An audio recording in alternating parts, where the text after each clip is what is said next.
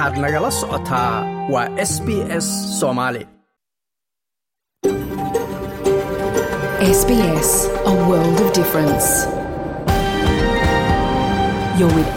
Somali on mobile, online, and on radio. waxaad nagala socotaan s b s soomaali oo aad ka heli kartaan mobil online iyo rediyoga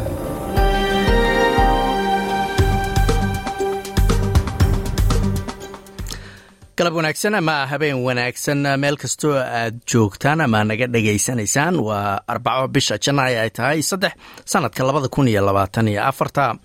Halkaad naga dhegaysanaysaanna waa laantaf soomaaliga ee idaacadda s b s oo si toosa idinkaga imaanayso stuudiogaanu ku leenahay magaalada melbourne. Magacaygu waa xasan jaamac idaacadda inteeda badanna caawa waxaad ku maqli doontaan heshiiskii dhex maray somalilan iyo etoobiya oo muran ballaaran ka dhaliyey geyiga soomaalida. Marka horese.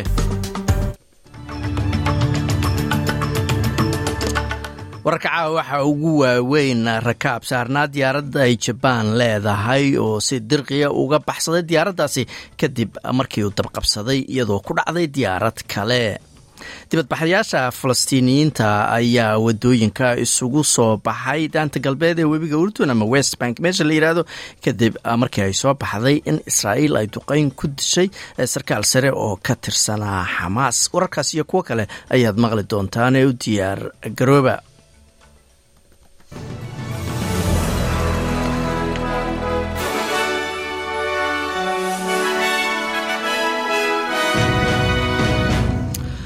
haddana waa warkii oo dhammaystiran saddex boqol iyo toddobaatan iyo sagaal rakaaba oo saarnaa diyaaradda jaban airline ayaa si dirqiya uga baxsaday diyaaraddaasi oo gubanaysa. Kadib markii diyaaraddaasi rakaabka ahi ay ku dhacday diyaarad yar oo ay lahaayeen ciidamada badda ee dalkaasi. Arrintan ayaa ka dhacday garoonka diyaaradaha haneda oo ku taala caasimadda tokyo waxaana ku dhintay shan qof oo ka mid ahaa lix qof oo saarnaa diyaaradda yar muuqaal ay baahisay warbaahinta dowladdu ay leedahay ee n h k la yirahda ayaa muujinaysa diyaaradda oo markaasi holac ka baxay oo dab ka qarxay lixdii fiidnimo markay ahayd xalay oo bishuu laba ahayd. Iyadoo diyaaraddu markaasi ku socotay waddada diyaaraduhu ay ku degaan ama ka duulaan markaasi muuqaal kale oo baraha bulshada lagu faafiyey ayaa waxa uu muujinayaa dadkii rakaabka oo diyaaraddu saarnaa oo qaylinaya iyo diyaaraddii oo qiiqi u hareeyey. Dadkuna waxay markaasi ka baxsanayeen meelaha loogu talagalay in dadka laga badbaadiyo oo geesaha diyaaradaha markaasi meel jaranjaro oo kalea oo dadku ay ka baxaan loo sameeyey dhibaatada bini-aadannimo ee ku sii kordhaysa khaza ayaa markaasi dadka rayidka waxa ay ku sii badisay dhibaatooyinka halkaasi ka socda iyagoo dadkaasi ay soo mareen xanibaado iyo duqaymo socday hadda muddo ka badan laba iyo toban asbuuc ama toddobaad. Hay'adda cuntada adduunka ee qaramada midoobey ayaa qiyaasaysa in labaatan iyo lix boqolkiiba shacabka khaza ama dad gaaraya shan boqol iyo toddobaatan iyo lix kun iyo lix boqol oo qof ay hadda wajahayaan macaluul iyadoo oo markaasi lixda bilood oo soo socota haddii ay arintaasu dhacdana dad badan ayba dhici karta inay gaajo u dhintaan. Hay'adda caafimaadka adduunka ayaa waxa ay booqatay meel ay degan yihiin shacab badan oo xero qaxootiya oo ay maamusho qaramada midoobay si ay markaasi u qiimeyso baahida dhanka caafimaadka ee dadkaasi haysta wararka falastiiniyiinta ayaanu ku jirnay dibadbax ballaaran ayaa ka dhacay west bank iyadoo dadku ay waddooyinka isugu soo baxeen. Kadib markii sarkaal sare oo ka tirsanaa ururka ama hogaanka xamaas saalex al nuuri lagu diray duqeyn ay israa'iil ka fulisay caasimadda bayruud ee dalka lubnaan. Duqeyntaas oo ay fulisay diyaaradaha aan cidna wadin ee daroonka la yiraahdo. Master aruria ayaa ahaa ku-xigeenka madaxa dhanka siyaasadda ee xamaas waxaana uu ahaa ninkii wax ka aasaasay dhanka ama garabka mintidiinta ee kooxdaasi. Waxaana la dilay isaga iyo shan kale oo lagu dilay weerar lagu qaaday dhisme xafiisyo ahaa sida laga soo xigtay warbaahinta qaranka ee dalka lubnaan. Wixii ka dambeeyey markii dagaalka ama duqeynta israa'iil ay ka bilaabatay gaza kadib markii xamaas ay weerartay israa'iil toddobada bisha oktoobar fikradda dadka ama codaaruurinta dadka xamaas dadka andhehe khaza degan laga qaaday ayaa muujinaya in taageerada loo haya xamaas ee dhanka westbank ay aada u korortay iyadoo gaaraysa afartan iyo afar boqolkiiba. Iyadoo dadku ay leeyihiin waxay u taageerayaan kooxdan ama ay taageerayaan wixii ka dambeeyey bilowgii bishii disembar taasoo ah baa layidhi koror labiyo toban boqolkiiba marka loo eego sebtembartii ka horreysay halkaad nagala socotaan waa laanta af soomaaliga ee idaacadda s b s madaxweynaha ukraine volodimir zelenski ayaa sheegay in weeraradii u dambeeyey ee ruushku ay ku soo qaadeen caasimadda kiyef looga dan lahaa in burburkii ugu weynaa loo geysto caasimadda ruushiya ayaa gantaalo markaasi roob waxa ay uga dhigtay magaalada kiyef ee caasimadda iyo magaalooyin kale ee ukraine ay leedahay. Kuwaasoo geystay baa la yiri khasaaro aada u baan gaar ahaan dhismayaal dheerdheer iyo kuwo weliba ama infrastructure kale aan dhehe. Tan ayaana imanaysaa kadib markii hogaamiyaha ruushka valadimir putin uu ka digay inuu sii kordhin doono ama dardargelin doono weerarada ama duqeymaha dhanka cirka.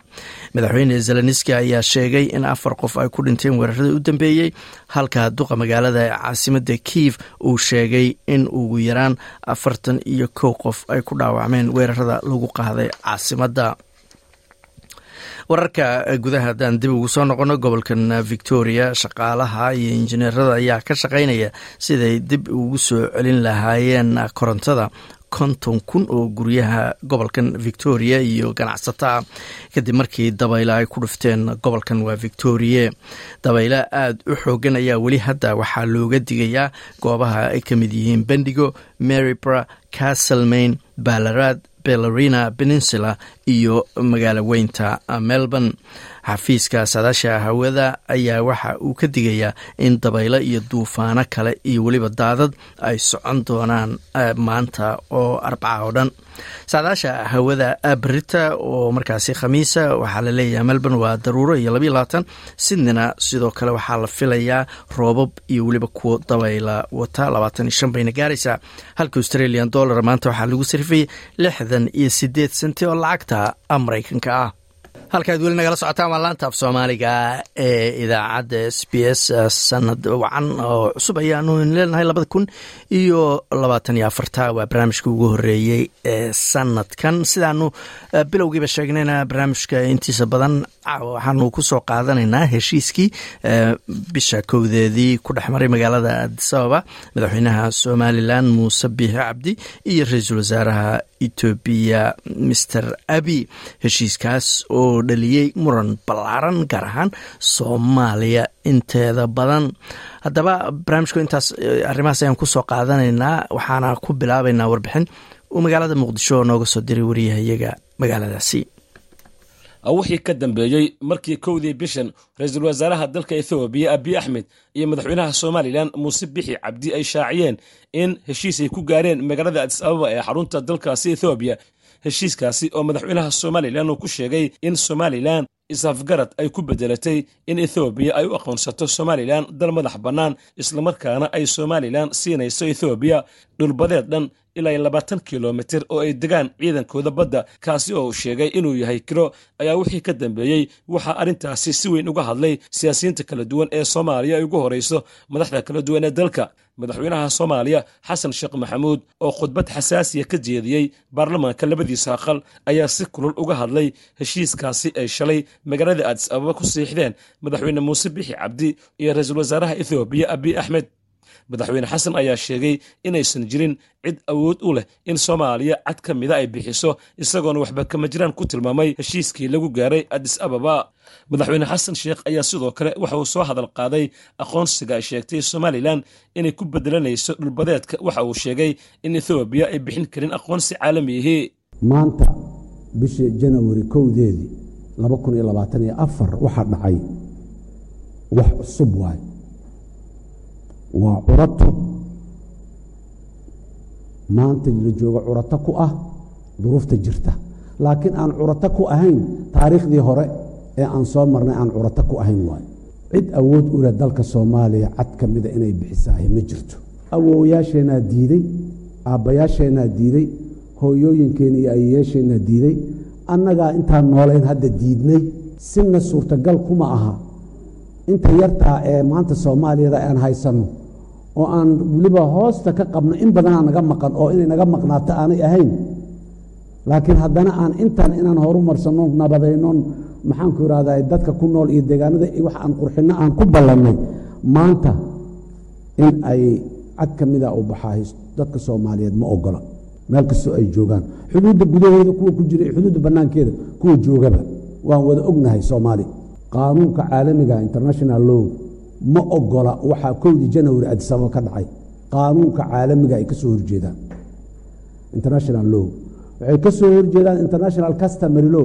Xeerarka dhaqanka caalamka ka jira oo qawaaniinta marka laga yimaadaba habdhaqanka caalamka ka jira ee dowladaha iyo ummadaha ay u dhaqmaan ka soo horjeedaa sina dhaqangal kuma noqon doono haddana dhaqangal kuma ah dhanka kale golaha wasiirada xukuumadda federaalk ee soomaaliya oo iyaguna shir deg dega oon caadi ahayn ka yeeshay arrintaasi ayaa qarar xasaasiya ka soo saaray heshiiskii adis ababa ku dhex maray somalilan iyo ethoobiya afhayeenka xukuumadda oo warbaahinta la hadlay ayaa waxa uu sheegay in go'aamada ka soo baxay shirkan caadiga ahayn ee golaha wasiirada lagu shaaciyey in soomaaliya ay si deg deg ah ugu yeeratay safiirkeeda u fadhiyay dalka ethoobiya qararka xukuumadda ee heshiiska somalilan iyo ethoobiya ayaa waxba kama jiraan ka dhigaya heshiiskii ay shalay adis ababa ku gaareen madaxweyne muuse biixi iyo ra'iisul wasaare abiy axmed ayaa lagu yidhi qararkaasi golaha wasiirada ka soo baxay. Dowladda federaalk ee soomaaliya ayaa tallaabada ku tilmaantay mid gardaro ah oo halis gelinaysa wanaagga nabad ku wada noolaashaha iyo xasiloonnida gobolka waxaanay xadgudub iyo faragelin qaawan ku tahay ayaa layidhi madax bannaanida gobonnimada iyo midnimada jamhuuriyadda federaalk ee soomaaliya dhankiisii ra'iisul wasaaraha xukuumadda federaalk ee soomaaliya xamse cabdi barre ayaa si kulul uga hadlay arrintaasi. Ra'iisul wasaaraha oo ka hadlay kulankaasi aan caadiga ahayn ee golaha wasiirada waxa uu sheegay in marnaba dowladda federaalk ee soomaaliya ay ka labalabayn doonin difaaca dalkeedii. Sidoo kale waxa uu sheegay inay ku difaacayaan weji kasta oo sharci ah iyada oo dowladda kaashanaysa shacabka soomaaliyeed meel kasta oo ay joogaan ra'iisul wasaaraha ayaa waxa uu ka dalbaday bulshada soomaaliyeed midnimo iyo inay u midoobaan difaaca dalkoodii. Waxaan rabaa inaan shacabka soomaaliyeed aan u sheego inay isdejiyaan. Waxaan rabaa inaan u xaqiijiyo in ay naga go-an tahay difaaca dalka. Taaka ka mid ah berigeenna iyo baddeenna iyo cirkeenna laguma soo xadgudbi karo. Weji kasta oo sharci ah ayaana ku difaacaynaa waxaanan hubaa innagoo kaashanaynaa shacabkeenna meel kastoy joogaan. Hadday joogaan waqooyi iyo hadday joogaan koonfur iyo haddii ay inta udhexayso joogaanba waxaan awoodnaa horeyna u soo awoodnay haddana awoodnaa inaan difaacno dalkeenna. Wax laga cabsada ma yaallo waxaanse rabnaa markaan in la midoobo wax kasta oo soomaalida dhexdeeda ah in laga tago siyaasad kasta oo innaga dhexdeenna ah iyo waxa inoo dhexeeya inaan meel iska dhigno inaan difaacno dalkeenna inaan difaacno qaba qarannimadeenna iyo gobonnimadeenna taasaa lagama maarmaan ah. Dadka ku mashquulsan xilligan oo kale waxyaabaha soomaalida dhexdeeda ah oo aan micnaha badan lahayn waxaan leenahay xilligan waa markii la midoobi lahaa waa markii halka meel la istaagi lahaa waa markii hal dhinac loo jeesan lahaa waa markii dalka la difaaci lahaa. Dhammaanteen aan u istaagno in aan difaacno dalkeenna xukuumadduna waxaa ka go-an inay arrintaas ku hogaamiso ummadda soomaaliyeed. Meel kastoo joogaan. Dhankiisii guddoomiyaha golaha aqalka sare ee baarlamanka soomaaliya cabdi xaashi cabdilaahi ayaa arrintaasi si kulul uga hadlay isagoona sheegay.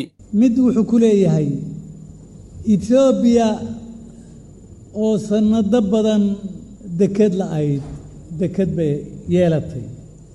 Waa arrin aada iyo aada looga naxo waxaa kale uu leeyahay red sea. Waxaan ka helnay albaab ay horumarkeenna kaalin weyn ka qaadanahay. Kan afraad wuxuu ahaa waxaa arrimaha heshiis ku gaaray brime ministerka etoobiya abiy axmed iyo madaxweynaha somalilan muuse biixi cabdi. Waa wax laga yaqyaqsoodo aada loo noogu loogu naxo.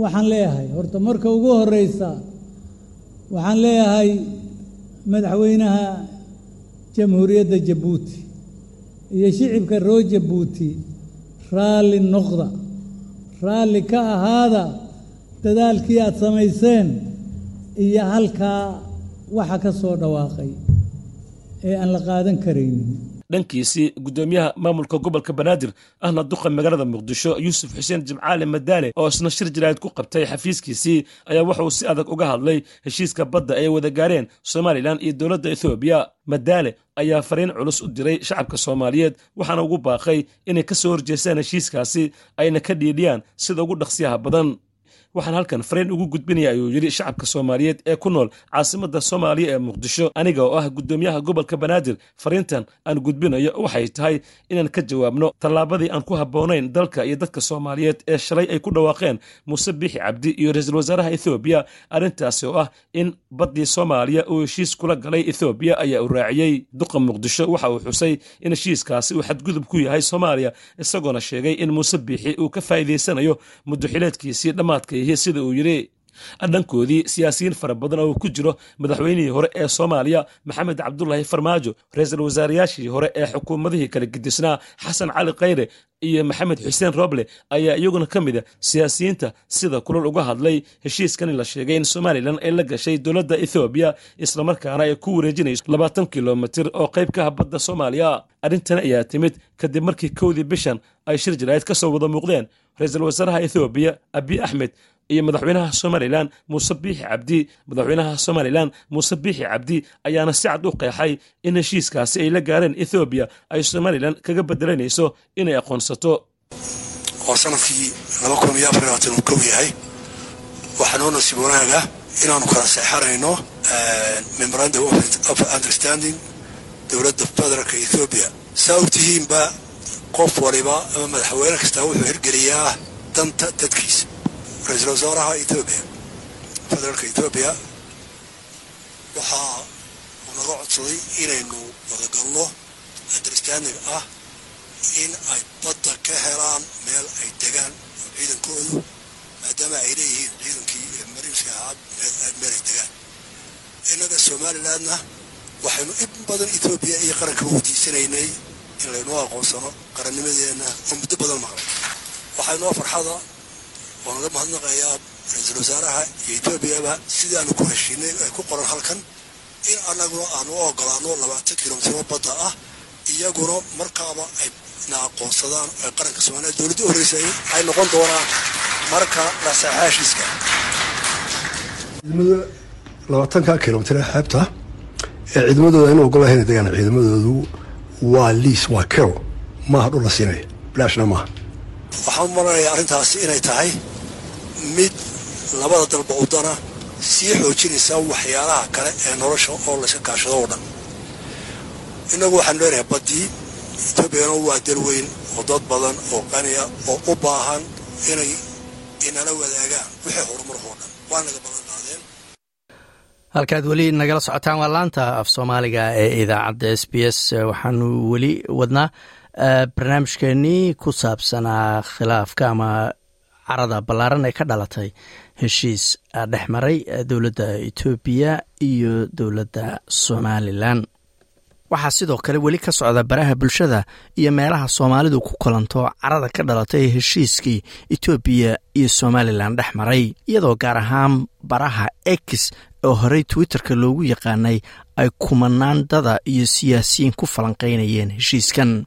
Kulan ay qabatay barta bulshada minbar ayaa waxaa ka qayb galay siyaasiyiin ay ka mid yihiin sihayaha wasiirka arrimaha dibadda cali balcad xildhibaan cabdiraxmaan cabdishakuur cabdirashiid xaashi oo hore u soo noqday wasiir sidoo kalena madax ka ahaa maxadka heritage wasiirka arrimaha gudaha axmed faqi wasiir cali balcad ayaa sheegay in arintan aysan dowladdu hore u sii ogeyn. Kolay dhacdadan shalay dhacday. Dabcan wax hore loo sii ogaa ma ahayn. Dareen noocaasa laakiin waa jiray oo marar badan abiy siyaabo kala duwan. Ayuu uga dhawaajiyey inuu doonayo inuu etoobiya ay yeelato dhul ayada ay leedahay oo badda ku yaalla etoobiya muddo boqol sano ah ka badan waxay isticmaalaysay dekeda berbera. Waxay u isticmaalaysay nidaam ganacsi ah oo ay service iska bixiso. Laakiin sovereigntigii iyo lahaanshihii dekeda ay ay leedahay dowladda mataqaanaa jabuuti saas si la mid ah uganda boqolaal sano ayay isticmaalaysay dekeda mombasa. Sidoo kale daar es salaam waxaa isticmaala wadamo kaloo fara badan oo ay ka mid yihiin rwanda iyo burundi ay ka mid yihiin marka waddamada landlocka ah inay isticmaalaan dekedaha waddamada badda leh waa wax adduunka standard iska caadi ah laakiin arrinta meesha taala waa mid ka duwan. Wax cusubna ma aha. Tan iyo milin wax soo noqon jira waaye arrintan ah in etoobiya ay bad yeelato. Markii ugu dambeysay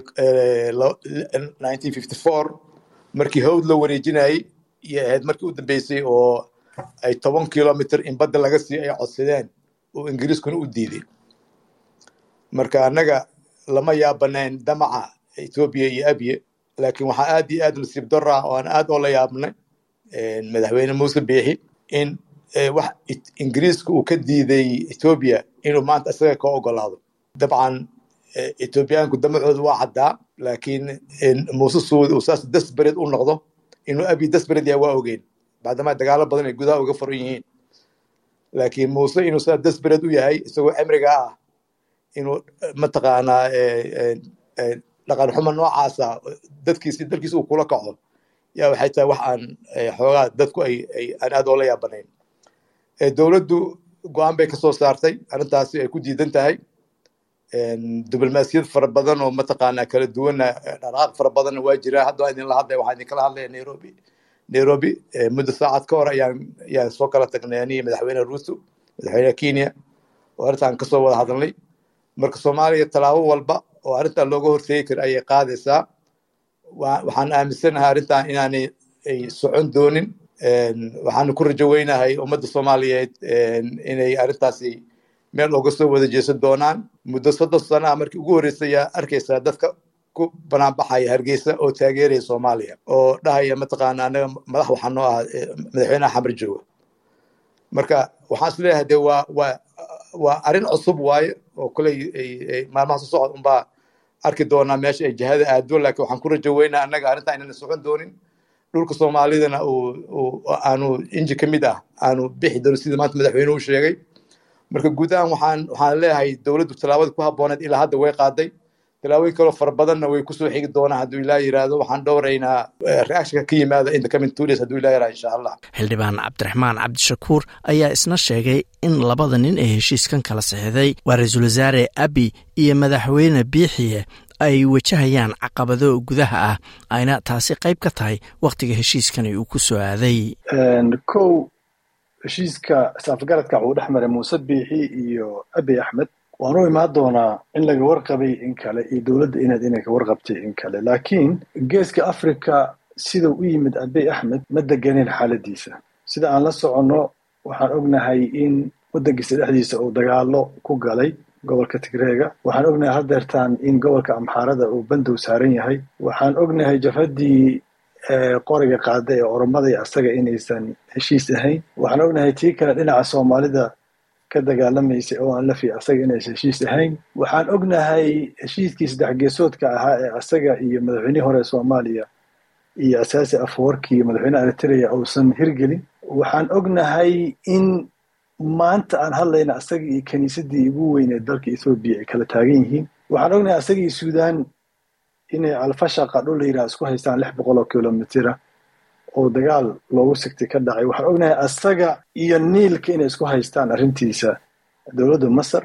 Waa nin marka ku jira colaad dalkiisa gudihiisa ah iyo colaad rijinka intaba. Intaas waxa u dheer in ethoobiya maanta ay default countrieska ay gashay oo iska bixi la-adahay deentii gudi la-adahay deentii nin marka intaasoo mashaakil u yaalaan inuu boodo waa inaan fiirinaa maxaa uu u duulay? Dhinaca kale muuse bixiyaan eegeynaa muuse waa nin xilkii ka dhammaaday oo mudaxileedkiisii hadda sanad iyo ziyaado ku sii darsaday. Dadkii somalilan hadday yihiin siyaasiyiintii ama odayaashii ama dhaqankii u caala yihiin oo wax kasta oo la soo jeediye aan diiday inuu doorasho qabto diiday inuu xilka wareejiyo diiday dadka siyaasadda kala dhexaysa inuu la xaaltamo. Dagaal ku qaaday deegaana soomaaliya kama dad ku xasuuqay looga adkaaday dagaalkii ku jabay. Meelow ciirsada aan lahayn. Waxa keliya uu ka fekerayana ay tahay dantiisa asaga muuse ahaan siduu xukunka u joogi lahaa. Marka aniga labada nin heshiisa markaan context geliyo waxaan arkaa laba nin oo ay ka soo jeedo oo naflacaari ah oo raadinaya wax ay guul ay sheegtaan inay soo hooyeen. Taasoonan suuragal ahayn. Waa midda kood waxayna suuragal ku ahayn. Dee sharciga caalamigay khilaafsan tahay waxay khilaafsan tahay charterka african unionka ama xeerka african unionka oo nasiib dara xaruntiisii ay tahay ethoobia oo ilaa haddeertaan aysan ka hadal arrinta dhacday oon arkaya inay european unionka ka hadlayaan african union aysan ka hadlaynin. Aan u jeedo in abey axmed uusan ictiraaf sii karin muuse biixi waa og yahay oo markii international lawga iyo sharciyada la fiiriyo meel ay dadka somaliland xukuumaddooda ama maamulkooda ama golayaashooda kala duwan ama iliidkooda siyaasad ay ku ballameen dhul aan bixinno aan ku bedelanno ictiraafna ma jiro. Aan ognahay haddeertaan meel hadda somaliland ay dadkeeda ku dhaheen ictiraafaan ku bedelan dhul ma jiro oo muuse biixi mandate uu ku haysto leeyahay ku bedel israa'iilan waxaa maqli jiray carabta ardi muqaabil salaam wax lidaa ka dhexee meelay ku dhacdana ma jirto. Marka aniga waxaan u arkaa laba nin oo naflacaari ah oo mid kasta uu raadinayo in uu dadkiisa ka gado inuu guul beena keenay oo qar iska tuurnimo ah. Aan arkaa runtii. Taas waa labada nin ee heshiiska gaaray. Heshiiska mid fulaya ma yahay ama is-afgarad waaye is-afgarad waxaa looga dhigay aniga akrinteeda waxay tahay waa testing the water. Waxaa la tijaabinayaa biyaha. Ayaa la tijaabinaya waxaa la tijaabinayaa soomaaliya dowladdeeda iyo shacabkeeda sida ay ay uga jawaabaana la tijaabinaya haddaan marka annaga si basif ah oo qabo uga jawaabno taas waanu ku sii socodsiinaya haddaan si dadnimo leh oo dowladnimo leh oo isku duubni leh oo dal difaacasho leh aan uga hor tagnane abey gadaalo ula noqonayaa abey axmed berihii la soo dhaafay wuu sheegayey damac oo ku laran yahay hanjabaada waday. Waxaa la isweydiinayey ku dhufo doonaa. Ma eritrea la aadi doonaa damaca uu ku laran yahay hanjabaada ma jabuuti la aadi doonaa? Ma sudan la aadi doonaa? Ma soomaaliya la soo aadi doonaa? In marka aan laga diyaar garoobin oo dowladda soomaaliya iyo shacabkeeda iskumar ogaadaan waxa dhacay taas waa gaabis dowladda xaggeeda ka yimi oonan oonan maaragtay inay tahay mas'uuliyaddeed inay qaado. Sababtoo ah rijinka dhan gobolka dhan waa la hadal hayay ninkaa dabka la ordaya meesha uu ku qaban doono. Marka annaga inaan aan iyo aan saacaddan nidhaahno wax la filayo maan wax la ogaay maahayn suuragal maaha. Wasiir cali balcad ayaa sheegay in madaxweyne muuse biixi la ogaa inuu adisababa u socdo balse looga digay inuu heshiis noocan oo kalaa saxiixo de dabcan jabuuti heshiiskii aad aragteen oo ay ku heshiiyeen gobollada waqooyi iyo soomaaliya mataqana f j s yaa ka dhacay shirka intuu socday waa warka waana soo gaaray inuu muuse u socdo ii sheeg adisababa waana lagala hadlay muuse arrintaas inaan shirkaasi adisababa inaanu u tegin wax uu dhimayaa sovereigntiga soomaaliya muusena gobashaa markii la joogay wuu ka hadlay wuuna dafiray inuu u socdo arrin noocaasa aanaysan kana suurtoobaynin isagoo dalkaa u dagaalamayo askari u ahaan jiray. Marka muuse inuu markuu aadayey inuu aadayey waa la ogaa waa looga digay in arrin bad la xiriirta inuusan uusan kala hadlin wuuna ballan qaaday inuusan kala hadlayn. Marka laakiin waxa hadda uu sameeyey dabcan wax la ogaa ma ahayn wax la filinayn ma ahayn. Muuse wax laga filin karina ma ahayn labada ninba laba nin oo lafacaaray ay ahaayeen. Muuse laakiin inuu heerkaas gaarsiisan tahay heer uu qariska tuur intaa la eg oo maanta dadka hargeysa joogay ay ku buuqayaan mataqaana ay diidan yihiin waxa uu sameeyey. Aqoonsi aan jirinna mataqaana oo dhinac kale xitaa aysan weli qiran uu isagu sheeganayo. Marka waxaan leeyahay muuse arrintaa uu ka sameeyey jabuuti ee ka sameeyey adisababa lama ogeyn heshiiska jabuuti ka dhacayna dowladda soomaalidii ayadu dee kolley lagu heshiiyey way qoran yihiin. Marka labada arrin iskuma aysan xirnayn. Wax xiriiru ka dhexeeya ma jirin. Laakiin muuse inuu aadayo intuu shirka socday yaan yaa warkanu soo gaaray waana lagala hadlay inuu arrin noocaas ah uusan uusan xadgudub dheeraad uusan gaarsiin. Hanjabaada hanjabaadahan abiye muddo soo taxnaayeen korna waa kudhida mar baan ka hadlay oo oo aan aan aan jawaab ka bixiyey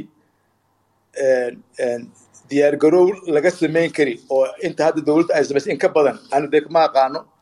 Maanta dee soomaalidu hadda ciidan intay qaado dejiso mataqaanaa seylac iyo berberiyo inaan tabarteen ahayna waan wada ognahay laakiin diplomatically tallaabooyin fara badan oo hore loo qaadaa jiro oo meelo meelo kala duwan la gaarsiiyey. Hadda saacad ka hor waxaa warqad soo saaray mataqaanaa eu-da mid kalena waxaan ka sugayna africa union hadduu ilaa yidhaahdo sidoo kale shir igad iyo idin sidoo kale mar mar dhow dhici doono. Marka tallaabooyin fara badan oo hore loo sii qaado waa jiraan oo diplomatically ah laakiin dee haddii cabdiraxmaan uu ka hadlayo inay ahayd in tallaabo military la qaado taas waxaan is leeyahay waa xaaladda iyada kuley cida ka qabsataa ma jirta malaynaya. Cabdirashiid xaashi ayaa ku ammaanay dowladda tallaabada ay qaaday wuxuuna ku booriyey in si deg dega loo dhiso ciidamo qaran.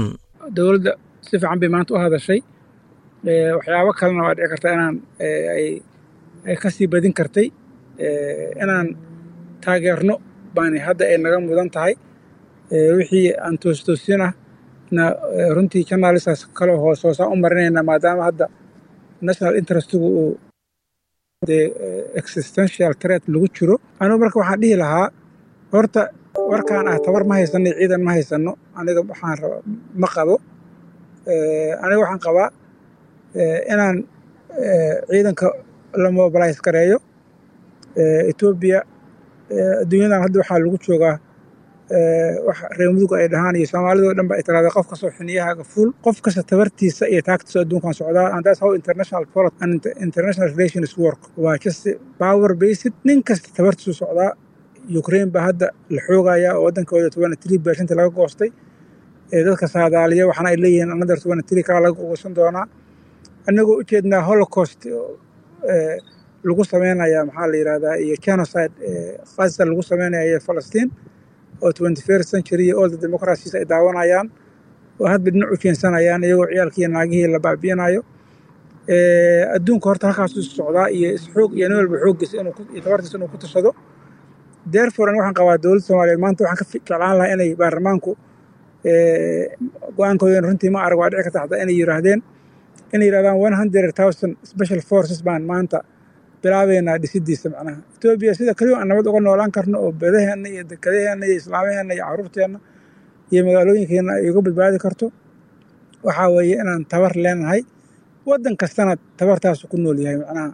Qaar waa jiraan dad kale ay gacansaar la leeyihiinoo ayna baadaan waardiyeyaanna. Laakiin annagu soddon milyan baan nahay oo sixteen milyan jamhuuriyadda ku nooshahay therefore waxay ahayd maanta in la yiraahdo one hundred thousand special force baan horta raise garaysayna ciidanka soomaaliya inay boqol kun oo commandos ay ku jiraan.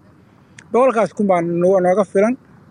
Dekedahana alaab briis la xadayo iyo waxaas maan dekada meel ku yaalla iyo dhul iyo badahan waa in loo tallaabo la soo aado.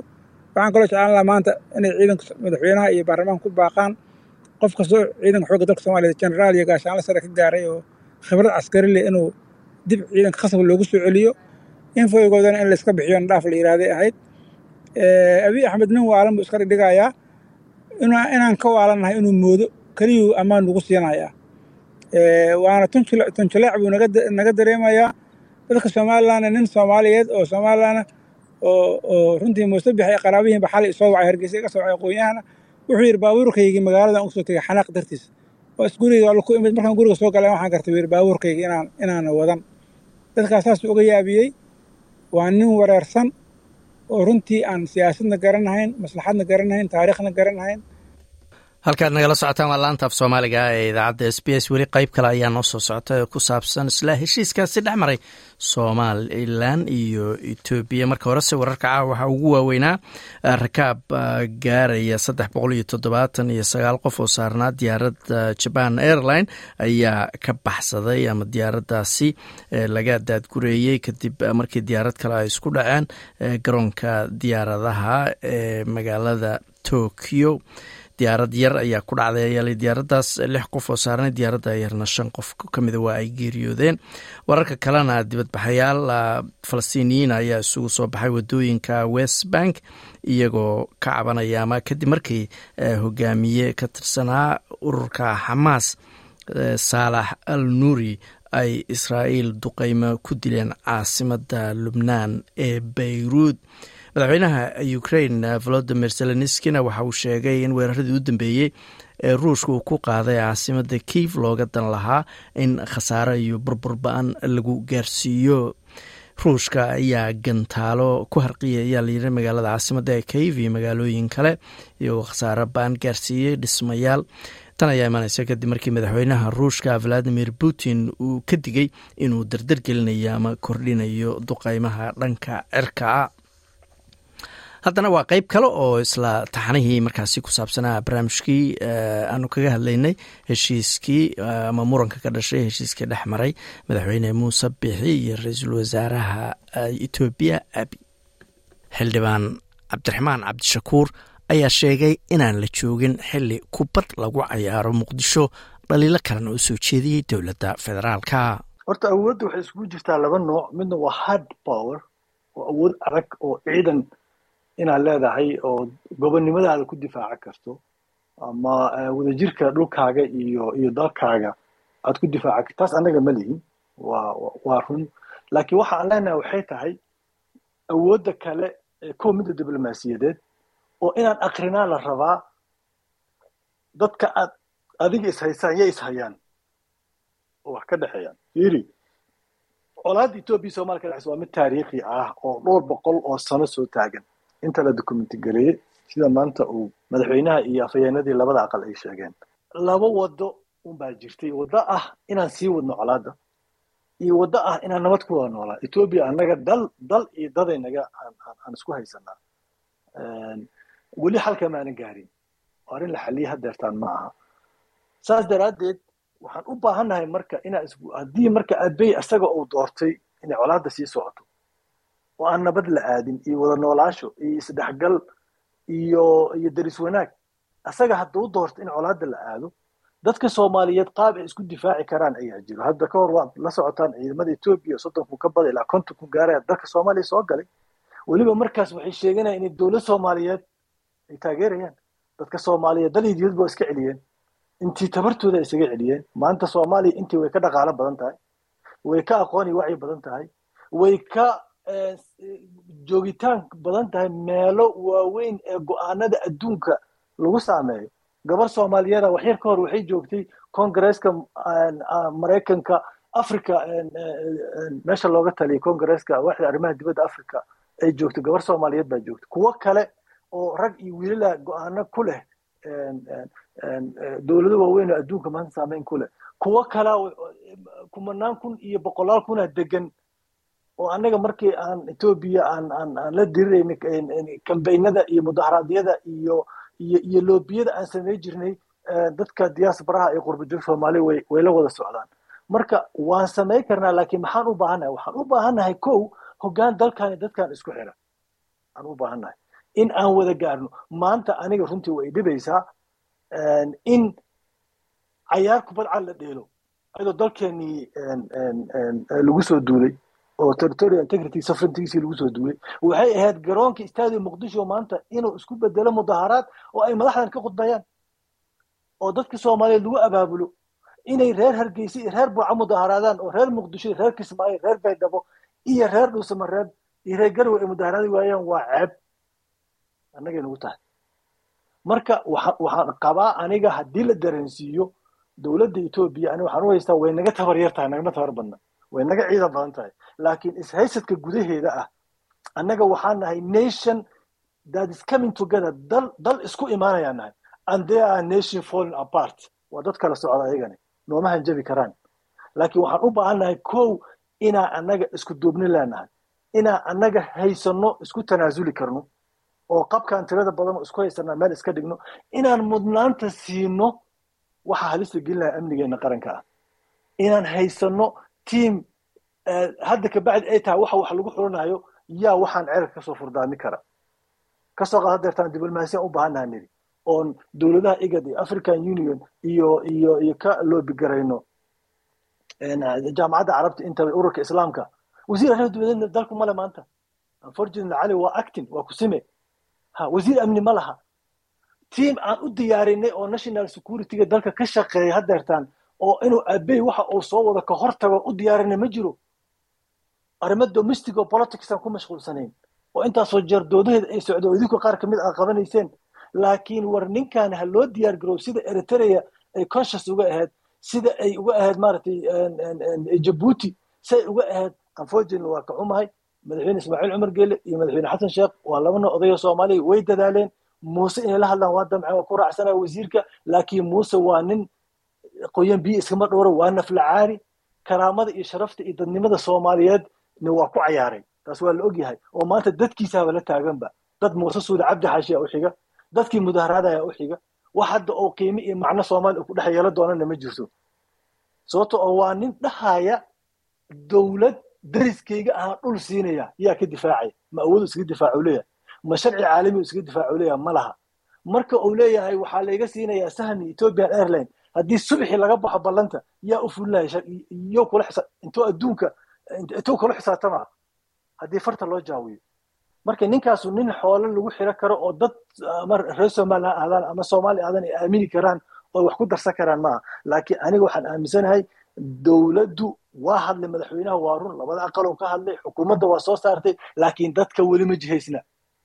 Taasaan aaminsanahay aniga. Waxaan u baahannahay wasiirka iyo xukuumadda inay meesha ka kacaan oo spiritkii iyo ruuxdii dadka soomaaliyeed lagu abaabuli lahaa oo daaqada iyo awoodda ku jirta looga soo saari lahaa oo midnimadooda la iskugu keeni lahaa. Maanta aniga waxaan rabi lahaa muqdisho inay gelgelato mudaharaad daraadiis mad inay sports aadam ahayn. Maalin sport la aadana ma aha maantoo kale. Waa laga dabaaldegaya addis ababa. Looga mudaharadayn muqdisho. Marka damaca abey axmed ma xaqiiqoobi karo ciid ahaan uma xaqiiqoobi karo dhaqaal ahaan uma xaqiiqoobi karo.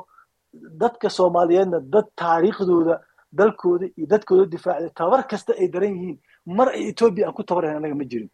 Laa toddobaatan toddobadan ku tabarahayn laa sixty forty aan ku tabarahayn laa intaan dirayn aniga iga isku tabar ma ahayn. Laakiin maanta ninka qoriga dabkaa la ordaya waa abey axmed waxaan aaminsanahay wax ethoobiya la yidhaho ishaysta oo isku raacsan oo abey daba taaganna ma jiraan wasiirka arrimaha gudaha dowladda federaalka axmed fiqi ayaa isna sheegay in tallaabadan ay tahay mid la doonayo in lagu weeqo horumarka ay dowladda soomaaliya samaysay. Runtii dee dalka soomaaliya progress xoogan buu sameynayey ayaamihii la soo dhaafay gaar ahaan dagaalka lagula jiray kooxaha khawaarijta. Dalkaana dee dad badan ayaa maaragtay ku fiirsanayay inay kooxahaas khawaarijta ahi ay dirirtooda iska wadaan oo layska burbursanaado oo magaalada muqdisho duleedkeeda dowladda lagu hayo. Laakiin markii la arkay dowladdii inay dhaqaaqday runtii meelo badan ayaa looga soo baxaya. Waana is leeyahay waxa laga gaarsiinaya horumarkaa soomaaliya hadda ay ku socoto inaan horey loogu sii dhaqaaqin cid kasta muska ugu jirtay. Uma adkaysanayso in soomaaliya awood leh ay waajahdo. Marka waxaa la isku fiirsanayaa meel yaroo janshana ama isgoys yar ayaa la isku istaagaya arrinta hadda aad loogu celceliyey annagu dadkii laba kun iyo lixdii waxaan ka mid ahayn iyo toddobadii iyo sideeddii hawshii dalka lagu difaacaya qaybta ka ahaa. Dadka soomaaliyeed ciidan ahaan haddii la yidhaahdo ciidan nidaamiyo dowladeed ma jiro laakiin dadka soomaaliyeed way isaga aadaan. Waana isaga filan yihiin qalabka ay haystaan iyo hubka ay haystaan ka bulsho ahaan. Inay dalkan difaacdaan dalkaana dee dowladnimo in yaroo kooban ayaa lagu difaaci ayaa lagu difaacay. Inteeda badan bulshada soomaaliyeed ayay ahaayeen waxa hortaagna dhowrkii dhowr soddonkii sanoo la soo dhaafay inaan loo soo gudbin xuduudahooda oo aan maaragtay halkaas laga soo koros garayn haddana cabsida ugu weyn oo dowladda ka sii xoogan waa shacabka soomaaliyeed maaha shacabka keliya xuduudda jamhuuriyadda federaalka ku noole. Shacabka soomaaliyeed meelu joogaba. Waa isku soo gurmanayaa waana maaragta lagu bartay arrintaas. Runtii dee waxaana muujiyey hargeysa wixii iyo burca iyo maanta ka dhacayay daliil cad bay u ahaayeen. Wax badan oo ka midana mashruucan hadda kudayista bilow kudayisa hadba falcelinta laga laga sameeyo ayay ku xiran tahay sida abiy axmed mowqifkiisa uu bedelo muuse biixi anagu hadda wiiggii hore raggii wada joogaan ahayn waa loo sheegay meeshaas inuusan maaragtay waxna ku soo saxiixin inuu socdona waa la ogaa laakiin wuxuu ballan qaaday inuusan waxba soo saxiixayn oo ziyaaro iyo booqasho caadiya inay arrintaasi iska tahay. Waana ogtihiin duruufta hadda uu ku noolyaho hadda waa laga warramay. Duruuf adag ayaa somalilan runtii maamulkeeda hadda haysta legitimacyga xaggiisa dhibaata ka haysata oo waktigii la doortay way gudbeen. Wakti extension ayay qaateen colaadihii hadda u dambeeya oo s c iyo waa la ogyahay arrinta kaleoo awdal state ka socota ama arrinta kaleoo xisbiyada mucaaradka ay ku lug leeyihiin. Marka mowqif oo runtii aad ciriiri u ah ayaa maamulka hadda meesha ka jiraahay uu ku jiraa meel un makhraja oo ay ka galaan waxaasna ayuu asagu raadinaya laakiin ninka runtii aadda ugu weyn iska leh waa ra'iisul wasaaraha ethoobiya oo runtii ku dhiiraday. Isagoo og soomaaliya dowladdiisa yaqaan oo hadda nin cusub oo aan maaragta ka warhayn ah inuu inta ku dhiiraday heshiis noocaasa uu la soo istaaga bannaanka. Inkastoo dee wax badan ay qarsoon yihiin heshiiskaas ku saabsan oo hadda aan laga hordhici karin. Haddana inta hadda la muujiyey degdeg weyn ayaa ka muuqata waana degdegtii lagu bartay. Runtii dowladaha dariska dowlad uu heshiis leeyahayna ma jirto. Jabuuti ka bilow eritrea sudan masar soomaaliya waddamada deriska oo dhan midaysan qoorta isugu jirin. Ma jiro gudaha bulshadiisa iyo qowmiyaadka ethoobiya gudaheedana. Dee dhibaato badan baa waa la ogyahay tigree iyo wixii abxaarada hadda ka socday oromada qaybo ka mida iyo. Wasiir cali balcad ayaa ka hadlay tallaabooyinka kale ee dowladda soomaaliya ay qaadi doonto maalmaha iyo toddobaadyada soo socda. Security councilka shir baan ka codsanay arrintan ina ka shiraan. Egat shir baan ka codsanay inuu kambala ka dhaco maalmaha soo socdo. Sidoo kale jaamacadda carabka shir baan idin ka codsanay idin inuu dhaco.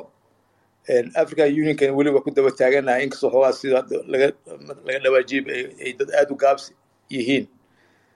Marka dowladda soomaaliyeed meel walba oo ay arrintu diplomatically mataqaanaa xalka amba ka hortag laga tegi karo iyay mataqaana iyo ku howlan tahay mataqaana. Dadaalo badanaa jira madaxweynuhu telefoono badan buu samaynayaa mar dhowna wufud badanaa loo kala diri doonaa mataqaana dalalka aan deriska nahay iyo iyo kuwa aan cilaaqaad ka dhow leenahay si arrintan mataqaana ay ugala soo hadlaan. Marka dowladdu talaabooyin ku habboonaa xilliga ku habboonaa way qaadaysaa. Dhanka kalena wasiirka arrimaha gudaha somalilan maxamed kaahin ayaa ku eedeeyey dowladda federaalka inay jebisay heshiiskii lagu kala saxiixday jabuuti wuxuuna ka dalbaday inay raaligelin ka bixiso hadalla ka soo yeeray wasiirka arrimaha gudaha ee soomaaliya axmed fiqi. Sidaa la socotaan ee loo baahiyey shirkaas waxaa lagu gaadhay qodobo miidiyaha lagu baahiyey oo ka hadlayay arrimaha labada dal kaasoo daba socday shirarkii labada dal ay isugu yimaadeen ee soo bilaabmay labadii kun iyo labiyo tobanka oo fulintoodii ay fadhiisatay oo aan la fulinin. Ayaa go'aankiisa ugu weynay iyo ahmiyadiisa ugu weynay waxay ahayd in shirarkaa dib loo ambaqaado.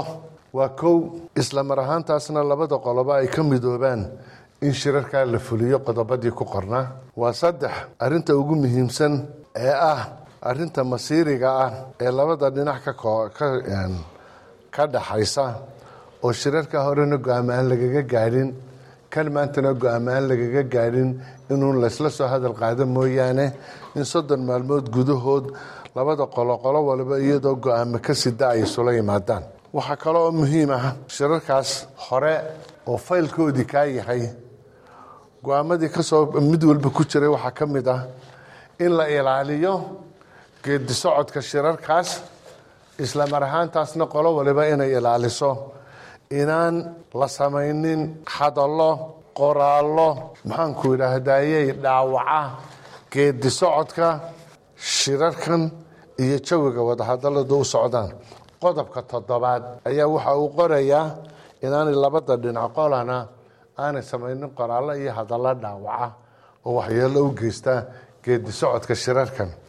Waxaan aad iyo aada uga xunnahay wasiirkii aanu wada saxeixnay heshiiskan hordhaca ah memorandum of understandingkan aanu wada saxeixnay ee aanu si wada jirana u sii wada daynay nuxurka iyo go'aamadan annagoo wada jira saxaafadan aanu ka muuqanay inuu ku tilmaamay war saxaafadeedu qabtay heshiiskan taariikhiga ahaa ee lagu soo saxeexay dalka jabuuti wuxuu ahaa mid dalka midnimadiisa looga shaqaynayay iyo wadajirkiisa.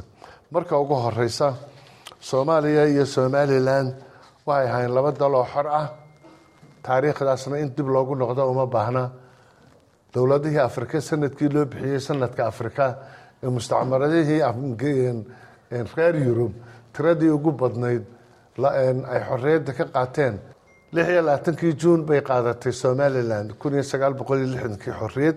Kowdii julayna cidimay khasbina iyadaa midnimadii iskeed uga qeyb gashay. Koob iyo sagaashankii sideed iyo tobankii mayna iyada xorriyaddeedii dib ula soo noqonaysa iyadaa iskeed ula soo noqotay. Labada dal markaa waxaa laga hadlayay haddii muddo dheer la wada hadlayey wadahadaladii ay midho dhali waayeen. Horta waxaynu ka wada hadalay aynu ka rumayno aynu fulino waa kow. Waa laba. In maxaanku dhahdaye mar dambe dib loo sii ambaqaado. Sidaa la ajligeed labada qolo marar fara badan labada kun iyo labiyo tobankii laga soo bilaabo ilaa shirkan imika la galay wixii ka horeeyey waxaa ku socday heshiisyada dhaawac fara badan oo aflagaado dhaawac fara badan oo ka beensheeg arrimaha masiiriga ahee ummadaha u dhaxeeya. Sidaas la ajligeed qodobkan mar walbana wuu ku jira laakiin maanta waxaa la rabay in laga mideeyo. Arintan waa arrin muujinaysa in heshiiska uu ka baxday dowladda soomaaliya dowladda federaalk ee soomaaliya. Waxaa quraanu markaa ku bogaadinaynaa ku baraarujinaynaa waxaa weeye in sixitaan ay ku sameeyaan inay abology ka bixiyaan in ay saxaan qodobkan wasiirku aanu sida khaldan uu u tilmaamay. Sawiradeedii waa kuwan. Saddex saddexda madaxweynena dabadeeday taageen saxaafadana hore ayay uga soo baxeen. Marka waa in tallaabadani mid dowladda somalilan ay aqbalaysa maaha. Waa mid aanu arkayno wixii aanu shalayto iyadoo reedkeedii qoyan yahay aanu ku kala nimi. In durba si khalada ay u tilmaamayso dowladda soomaaliya laakiin shacabka dalka iyo dadka reer somalilan waxa aan u sheegayaa ayadoo dowladda somalilan ay ilaalinayso wadajirkooda dastoorka qaranka mas'uuliyadda xukuumadda saareen in ujeedada socdaalkani uu ahaa oo ujeedada heshiiskani uu ahaa in labada dal aynu noqono fil aakhirka meel aynu ku gaadhno mustaqbalka waxaynu ku wada raalinahay inaynu ku sii wada soconno. Laba dadoo jaara inaynu nahay. Laba ninoo dadoo maxaanku dhahda dowladooda lahaan jiray inaynu nahay. Inaynan ka dambaysiinin. Somalilan dhaawacyaa ka soo gaadhay. Dowladii lixdanka iyagu midnimada horseedeen. Reer soomaaliya may horseedina reer somalilan baa horseeday. Inaan maanta dhaawacyadaas aan dib loo sii xusuusnaanin inaan dhaawacyadaas inaanay dib maxaanku dhahdaye mashaakilaad dambe ummadda xasuusin. Waxay noqonaysaa markaa iska isaga runsheego haddii uu shan casho gudaheedba sii jiri waaye ama uu saddex casho gudaheedba sii jiri waaye waxay keenaysaa markaa shaki waxay keenaysaa wadahadaladayada waxaa ugu badnaa oonu ka wada hadlayno waxay ahayd in nuxur keena kalsooni abuur oo tarast keena inaanu ku wada hadalno. Si mustaqbalka ummadaha iyaguna ay uga faa'iido. Taasaan aad iyo aada uga xunnahay. Waxaan ka sugaynaa dowladda soomaaliya in ay jawaab ka bixiso. Waxayna noqonaysaa arrintani. Midaan maxaanku dhahdaayay hadhowto kalsoonida iyada calaamatal su'aal dhex saarta aada iyo dul saarta. Kaasi wuxuu ahaa wasiirka arrimaha gudaha somalilan maxamed kaahin. Waxaanu soo gaarnay gebagabadii idaacaddeenii caawa waxaana wararka ugu waaweynaa rakaab saarnaa diyaaradda ay leedahay jabaan ayaa markaasi waxa ay ka daateen oo ka baxsadeen diyaaraddaas oo gubanaysa. Kadib markii diyaaraddaas ay ku dhacday mid yar tan ayaana ka dhacday garoonka diyaaradaha ee tokyo. Falastiiniyiinta ayaa waddooyinka isugu soo baxay west bank ama galbeed ee webiga urdun kadib markii ay soo baxday in hogaamiye ka tirsanaa xamaas lagu dilay duqeyn israa'iil ay ka fulisay caasimada dalka lubnaan ee bayruud wararka waxaa kaloo ka mid ahaa madaxweynaha ukraine volodimir zelenski ayaa sheegay in weeraradii u dambeeyey ee ruushka uu ku soo qaaday caasimada dalkaasi waa kiyefe looga dan lahaa in burbur iyo khasaaro ba'an loogu geysto wararka sidoo kale waxaa ka mid ahaa waxaa sii kordhaya ayaa la yiri dhibaatooyinka bini-aadamnimo ee ka jira marinka khaza kaasoo shacabka halkaasi degan dhibaatadu ay ku sii kordhayso. Kadib xanibaado iyo duqeyn israa'iil ku waday muddo laba iyo toban toddobaada idaacaddeenii caawaama maantana intaas ayaanu ku soo gebagabaynaynaa waa anigoo ah xasan jaamac weyne leh intaas iyo nabadgelyo like aas la wadaag wax ka dheh lana soco barta facebooka ee sb s